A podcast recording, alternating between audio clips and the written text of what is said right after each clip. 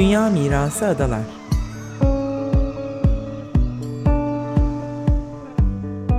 Hazırlayan ve sunanlar Derya Tolgay ve Nevin Sungur.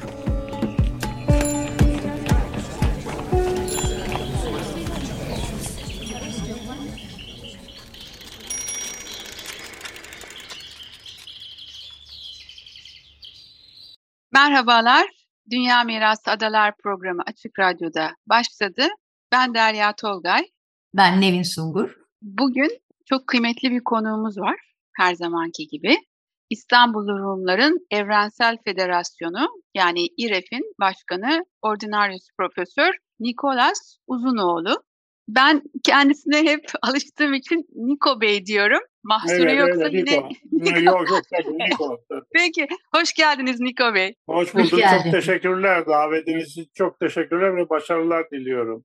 Çok teşekkürler. Çok sağ olun. Şimdi e, bugün 6-7 Eylül 1955 gecesi olanların Türkiye tarihindeki yerini ve bugüne uzantılarını konuşacağız. Evet. Biz yani. her sene e, hatırlamak, hissetmek üzerine ve düşünmek üzerine programlarımızı yapıyoruz. Radyoda da, e, adalarda da bir şekilde. E, çünkü faillerin hiçbiri evet. yargılanmadı, ceza almadı. Tarihimizdeki birçok evet. olay gibi üstü örtüldü. Yüzleşmedik. Yüzleşmedikçe tekrar tekrar günümüze kadar birçok programlar yaşadık ve hala yaşamaktayız. Ama en büyük kayıpları çok kültürlü yapımızda, insan zenginliğimizde yaşadık. Anadolu'nun en büyük kayıpları çok kültürlü yapımızda yani yüzlerce yıldır var olan farklı etnik gruplar bu toprakları terk etmek zorunda kaldı. Bu zenginliğimizi kaybederken kültürel anlamda fakirleştik, çölleştik, tek tipleştik. Onun için bunları tekrar hatırlatmak, konuşmak ve düşünmek herhalde çok önemli olacak. Tabii adalar imar planları da malum e, sizi evet. ilgilendiren bir durum. Bu konuya da e, ikinci bölümde değineceğiz. Ama ben kısacık sizi nasıl anlatacağım da bilemiyorum. E, çok yoğun başarılarla dolu bir kariyeriniz var.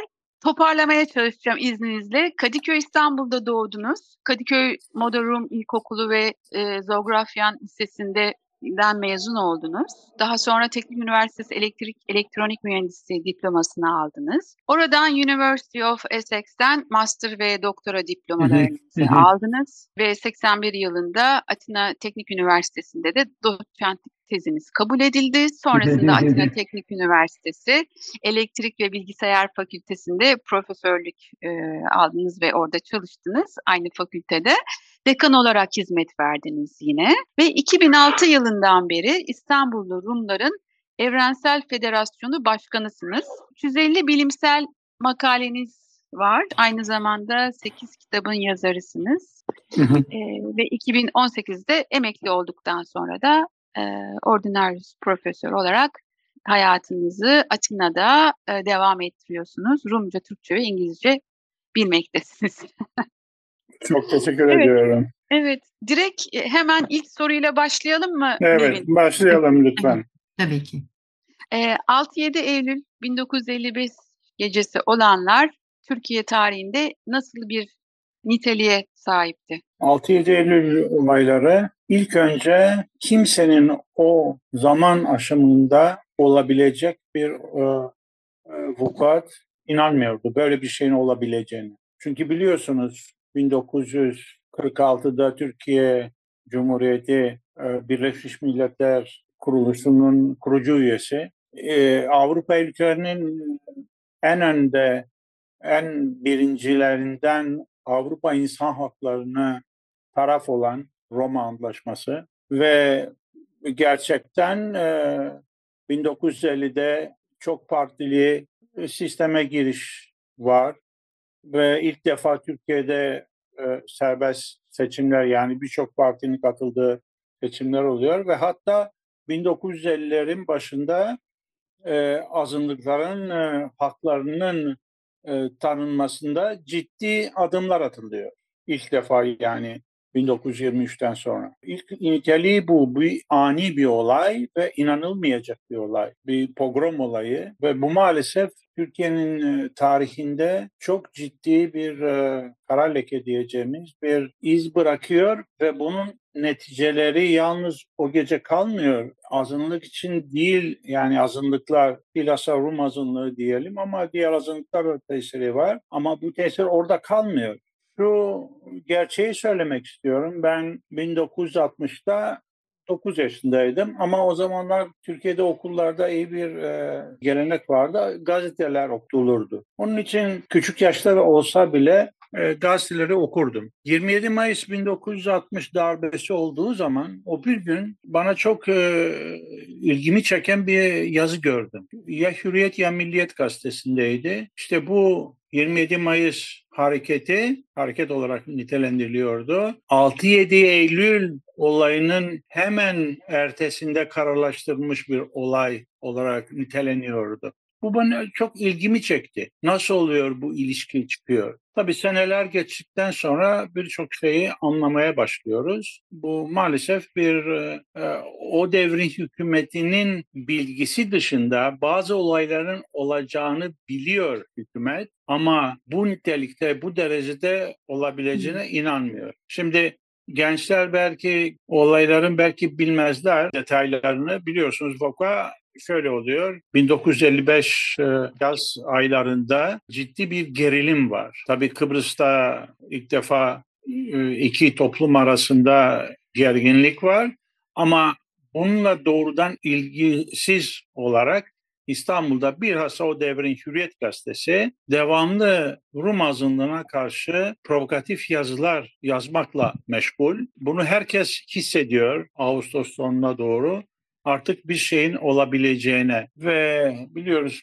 5 Eylül gecesi Selanik'te bir provokasyon olayı oluyor. Türkiye Cumhuriyeti'nin kurucusu Atatürk'ün evine küçük çapta bir patlayıcı madde konuluyor ve bu olayların tetiklenmesine sebep oluyor. Express gazetesi, e, öğleden sonra çıkan bir gazete. E, normal olarak 5000 nüsha olarak basılan bir gazete, küçük bir gazete yani. O gün 200 bin e, nüsha çıkarıyor. Bütün olayların incelendiğiniz zaman her şeyin evvelden hazır olduğunu görüyorsunuz saat 5'e doğru gösteriler başlıyor ama gösteriler sistemli. Üç dalgada saldırılar oluyor. Evvelden işaretlenmiş dükkanlara, kiliselere, e, mezarlıklara, okullara saldırılar düzenleniyor. İlk dalga kapıları ve kepenkleri kırıyor. İkinci dalga yağma yapıyor. Üçüncü dalga kundak e, da var bazı durumlarda ve bu 6-7 e, saat İstanbul'da artık devletin kontrolünden e, çıkıyor. Tabii ilk yıllar yani olaydan sonra uzun süre Türkiye'de bu olay bir tabuydu, tartışılmıyordu. 2005'te ilk kere 50 senede Tarık Vakfı'nın da katkısıyla merhum Amiral Fahri Çöker e, vasiyetnamesinde arşivinin yayınlamasını dilemişti ve bu yazıdan sonra bir sergi de düzenleniyor ve artık olay Türkiye içinde de tartışılıyor ve genç nesiller de ne olduğunu görüyorlar. Şimdi biliyoruz iki önemli itiraf var bu olayın nasıl çıktığını. Birincisi pek bilinir yani epeyce yazılmıştır. Sabri 25oğlu 1992'de bir mülakatta diyor ki bu bir özel harp operasyonuydu ve amacına e, muhteşem bir organizeydi ve amacına tam olarak ulaştı. Bundan başka ama önemli bir şey de var başka bir yanıt var. Bu daha sonra 2007'de bir mülakatta Habertürk'te çıkan bir e, mülakatta Mustafa Ağaloğlu mülakatın başlığı devletin kara kutusu derin devleti anlattı. Gazeteci şunu soruyor. Maraş katliamı, kanlı 1 Mayıs, 6-7 Eylül olayları, 16 Mart katliamı ve bunun gibi devlete işgalle karşı kendini koruma içgüdüsü mü? Soru. Cevap şu elbette hayır. Bu olaylara kansan kamu görevleriniz varsa cezalandırırsınız. Ama devlet onlara git yap dememiştir. Kendileri durumdan vazife çıkarmıştır. Bunun tek istisnası 6-7 Eylül olayları.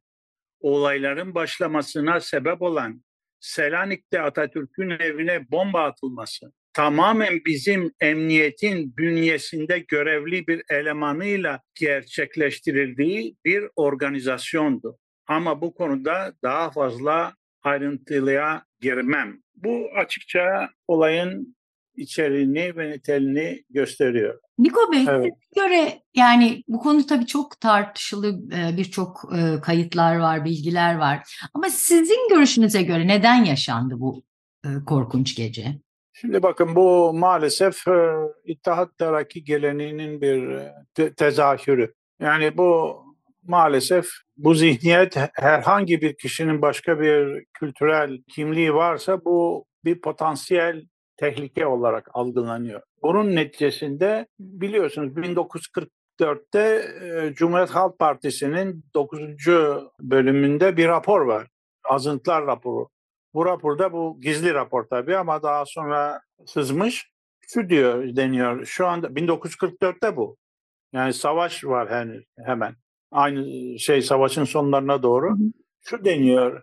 E, artık diyor Anadolu'da hiç Rum e, kalmamıştır. Ama İstanbul'da Rumlar vardır diyor. Bunun için bir tedbir almak gerekli. Tek söylenecek tek söz İstanbul'un fethinin 500. yılı İstanbul'da Rumsuz yaşanmasıdır. Yani bu bir evvelden bir şey var, hazırlanma var. Bunu görüyorsun. E, Rum toplumunun e, reaksiyonu ne? E, Tabii olay feci bir olay. Binlerce mağaza e, mahvoluyor. Büyük sayıda kadınlara tecavüz var. Çok büyük sayı. 64 lise e, tahrip oluyor. Mezarlıklar tahrip oluyor. İnanılmaz bir şey. Yani 1950'lerde böyle bir olayın olması. Şimdi Rum toplumu çoğu inanır ki şu, e, bundan sonra göçe mecbur kalıyor. Göç çok e, küçük çapta, yüzde on yalnız. Bunun sebebi, iki sebebi var. Bir, birinci sebep patrikhane e, toplumun e, dağılmamasına çalışıyor ve bir derecede başarılı oluyor. Ama en önemli e, ne, e, etken bu toplumun yerinde kalabilmesi asırlardan beri Bizans'tan ve daha sonra Osmanlı devrinde de bulunan, e, yaşayan e, bu komünite sistemi. Yani lise, lisenin yanında okul, karperver cemiyeti, spor e, tesisleri bu bir külliye olarak Osmanlı'da da hem e, hayatta o zaman ve bunun sayesinde toplum kalabiliyor. Şimdi e, Rum toplumunun en büyük e, nüfusunu yok eden yani büyük sayıda göçe sebep olan olay 1964 o başka bir olay.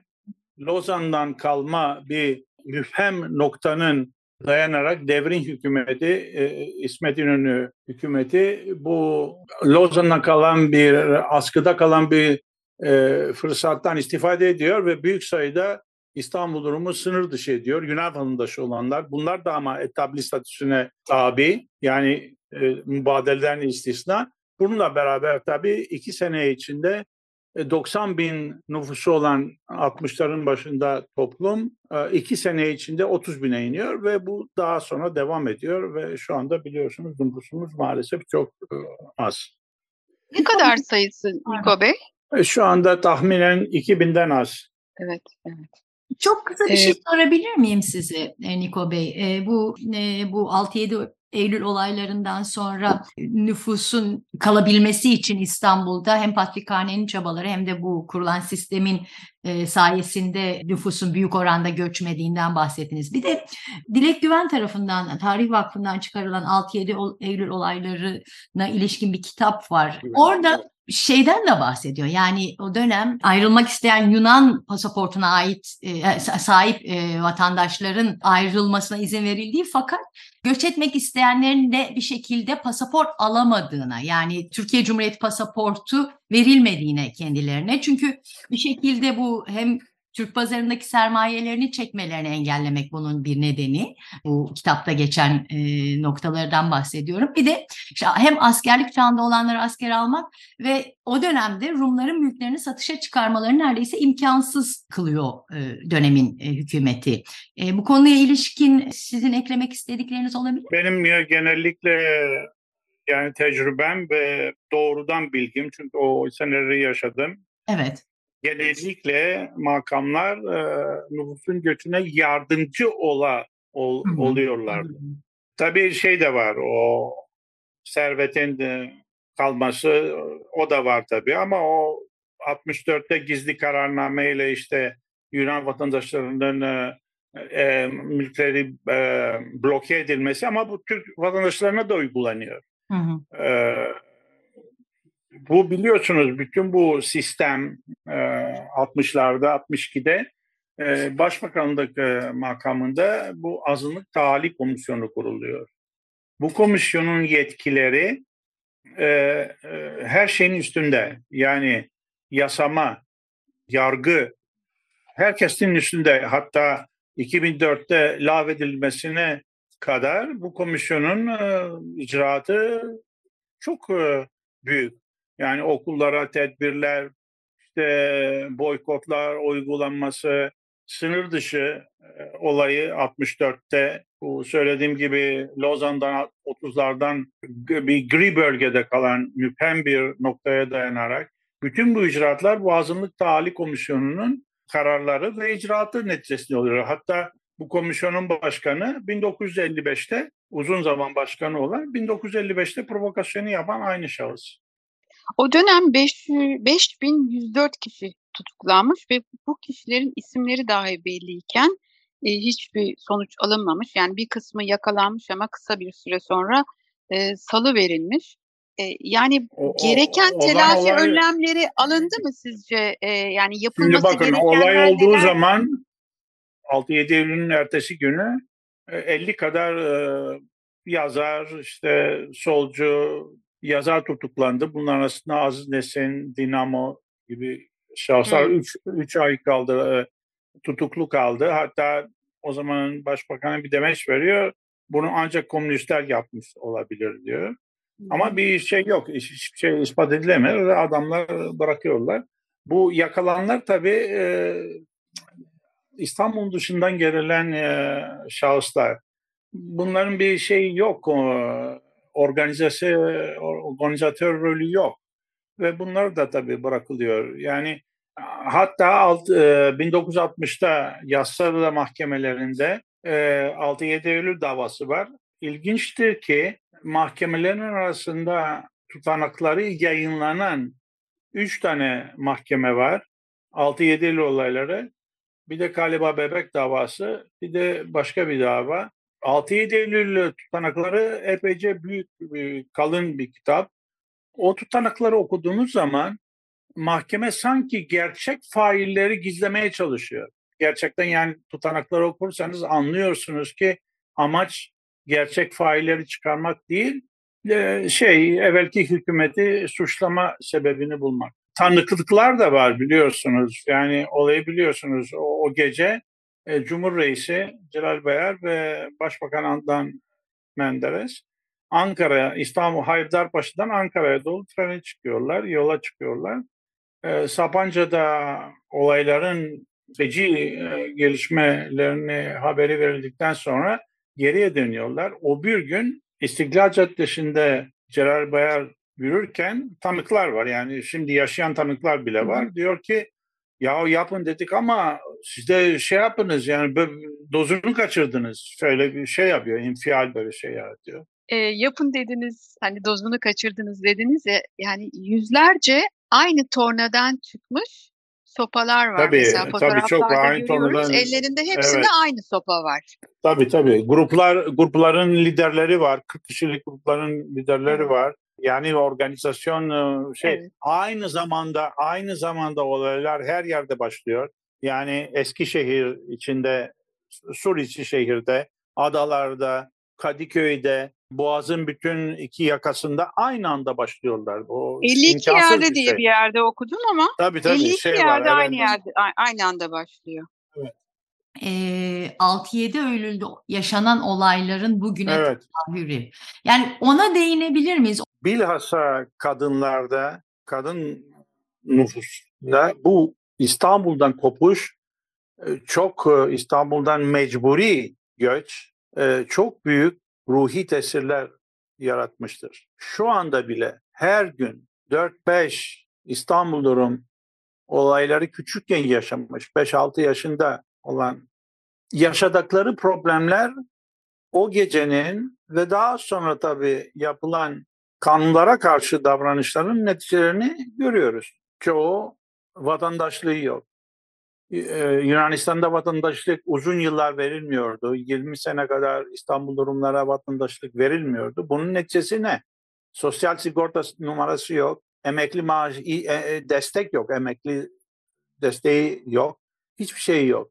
Ve bunun için bizim federasyonumuz e, son yıllarda, son 10 yılda çok kısıtlı imkanlarla 200 kadar aileye devamlı sistematik destek vermektedir. Şunu açıkça söylemek istiyorum. 2018'den 2020'ye kadar bizim bu programımıza, sosyal dayanışma programına TİKA, Türkiye İktisadi Kalkınma Ajansı destek verdi ve bunun için açıkça teşekkür etmek istiyorum. Çok evet, teşekkür ama ederiz. Ama biz orada kalmıyoruz. Biz orada evet. kalmıyoruz tarihi e, zaman eksenini geriye döndürmek imkansızdır. Ama mümkün mertebece telafi önlemeleri almakta e, vardır. Bizim federasyonun en önemli projelerinden birisi Rumca Elpis, Türkçe Umut dediğimiz proje.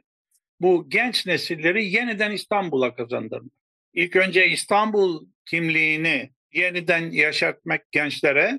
Onun için burslar veriyoruz, dersler yapıyoruz, Türkçe dersleri öğretiyoruz ve onun devamında genç nesillerin hiç olmasa bir kısmının geri atalarının e, e, topraklarına geri dönmesi için e, çaba sarf ediyoruz. Türkiye Cumhuriyeti Hükümeti ile bunu açıkça konuşuyoruz. Halbuki gelecek günler Sayın Cumhurbaşkanı'na bir de mektup göndereceğiz bu konuda. Evet. Ee, peki e, acaba e, ikinci bölüme geçebilir miyiz bu adalar imar planları? Evet. Çünkü çok e, evet. ayrıntılı ve çok dediği gibi Nevin'in konuşacağımız bir şey ama e, şu anda biliyorsunuz adalarda yeni bir imar planı yapılıyor. Özellikle Rum vakıfları bu planlardan nasıl etkilendi sorumuzu soralım Şimdi bakın e, haberleri biz e, İstanbul'a ait olduğumuzdan her şeyi takip ediyoruz. Bu adaların bir kültürel şeyi var, geçmişi var. Çok eski. Buna çok dikkat etmek lazım. Yeni bir şey de var. Bu deprem olasılığı maalesef çok büyük. Şimdi adalarda, Büyükada'da e, Hristos Aya Nikola ve Ayorgi manastırları Heybeliada'da Ayorgi var o Kudüs Patrikhaneliğine bağlı. Yeni Hristos ve Ruhban Okulu var tabii. Burgazada da Burgazada da iki tane manastır var. Tepedeki bir de bu Ayorgis Garip, Garip Ayorgis. Bir de Kınalı'da da e, tepede yine Hristos Manastırı var. Bütün adalarda Hristos Manastırı vardır. Şimdi Kınalı'daki Ayorgi Garipis Manastırı hariç diğer e, manastırın hepsi mazbut statüdadır. Bu 1930'lardan oluyor. Hatta mübadele komisyonunda tartışılan bir konu. Mazbut ne demek? Mazbut demek e, Vakıflar Genel Müdürlüğü bunların üstleniyor yönetimini. Mülkiyeti tanınıyor ama yönetilmesi Vakıflar Genel Müdürlüğü'nde yapılıyor. Ayorgi Garibis Vakfı'nın e, istisnası. Bunun yönetim kurulu var şimdi. Seçimler oldu geçen sene. Şimdi Ayorgis Garibis Gazada da ciddi bir e, alana sahipti. Bunun e, hibe şeyden yapılmıştı. Meşhur e, banker Galata bankeri Yorgi Zarifis. Şimdi Osmanlı devrinde birçok zaman bu e, mülkiyetler ya azizlerin ismine ya da şahısların adına tanınıyordu. 1936'da e, Cumhuriyet devrinde vakıfların mülkleri kaydedildi. Ama 36'da bu kayıtlarda birçok sorunlar yaşandı. Şimdi 2000 yılına kadar benim bildiğim kadarıyla bu Ayorgi Garibis'in ciddi e, Burgazada'da e, mülkiyeti var. Yani e, işte o Marta koyu Kalpazankaya'ya kadar varan bir şey var, mülkiyeti var. Daha sonra bunlar mülkiyeti Silahtar Vakfı'na veriliyor. Çünkü işte Zarif Hüseyin mirasçıları yok deniyor. Halde var. var. Zarif Hüseyin mirasçıları var. Ve tabii bu şimdi yeni imar planıyla ortaya çıkacak bu mesele. Bakalım ne olacak. Sizi endişelendiriyor mu? Yani hani Şimdi, belki doğrudan endişe ende- yani şu var. Şimdi bu adaları biliyoruz. Biz eski İstanbullular bu adaların her adanın da kendi bir karakteri var. Şimdi acele bir imar planı uygulayarak bunları tamamen değiştirme bu herhangi bir yerde yani bu adalarda değil herhangi bir ülkede böyle ani bir imar yapıldığı zaman tabii neticeleri de menfi olabilir. Yani şehircilik işte iskan biliminin kuralları uygulanarak yapılması gerekli bu. Aniden böyle nüfusu yüzde elli arttırma gibi teşebbüsler çoğu zaman sorunlar yarattığını her yerde biliyoruz. e, Büyükada'da ya da diğer adalarda da çokça kendi haline terk edilmiş ve kimi zaman hani tela- e, söylenen Evet. biri sahipleri yurt dışında olduğu için herhangi bir şekilde e, sahip yani bir, bir şey yapılamayan binalar var. Köşkler var. Giderek yok oluyorlar bunlarda. Bu konuyla ilgili bir e, çabanız oluyor mu? Yani bunları Oluyor yani biz e, bilgi verdiğim aldığımız zaman hemen e, mirasçılarını arıyoruz. Haklarını talep etmelerine destek veriyoruz. Kolay bir iş değil tabii. Çünkü aradan 2-3 nesil geçtiği zaman e, çok zorluklar yaşanıyor. Bunu yapıyoruz. Elimizden geleni bu yalnız e, şahsi mülkiyetlere değil, vakıf mülkiyelerinin de tadili ve onarımı için destek veriyoruz. Şu anda en çok çalıştığımız bir konu bu olasılığı inşallah hiçbir zaman olmaz ama depremin e, neticelerinin azaltılması için bizim e, vakıflar, bina, okul binalarının üzerine çok ciddi çalışmalar yapıyoruz. Mühendislerimiz de yani ve Atina Teknik Üniversitesi'nin çok iyi bir antisizmik laboratuvarı var. Çok ileri.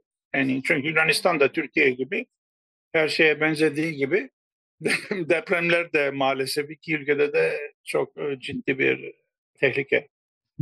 Ve Çünkü iki ülkenin yana- beraber çalışması çok önemli bu konuda da.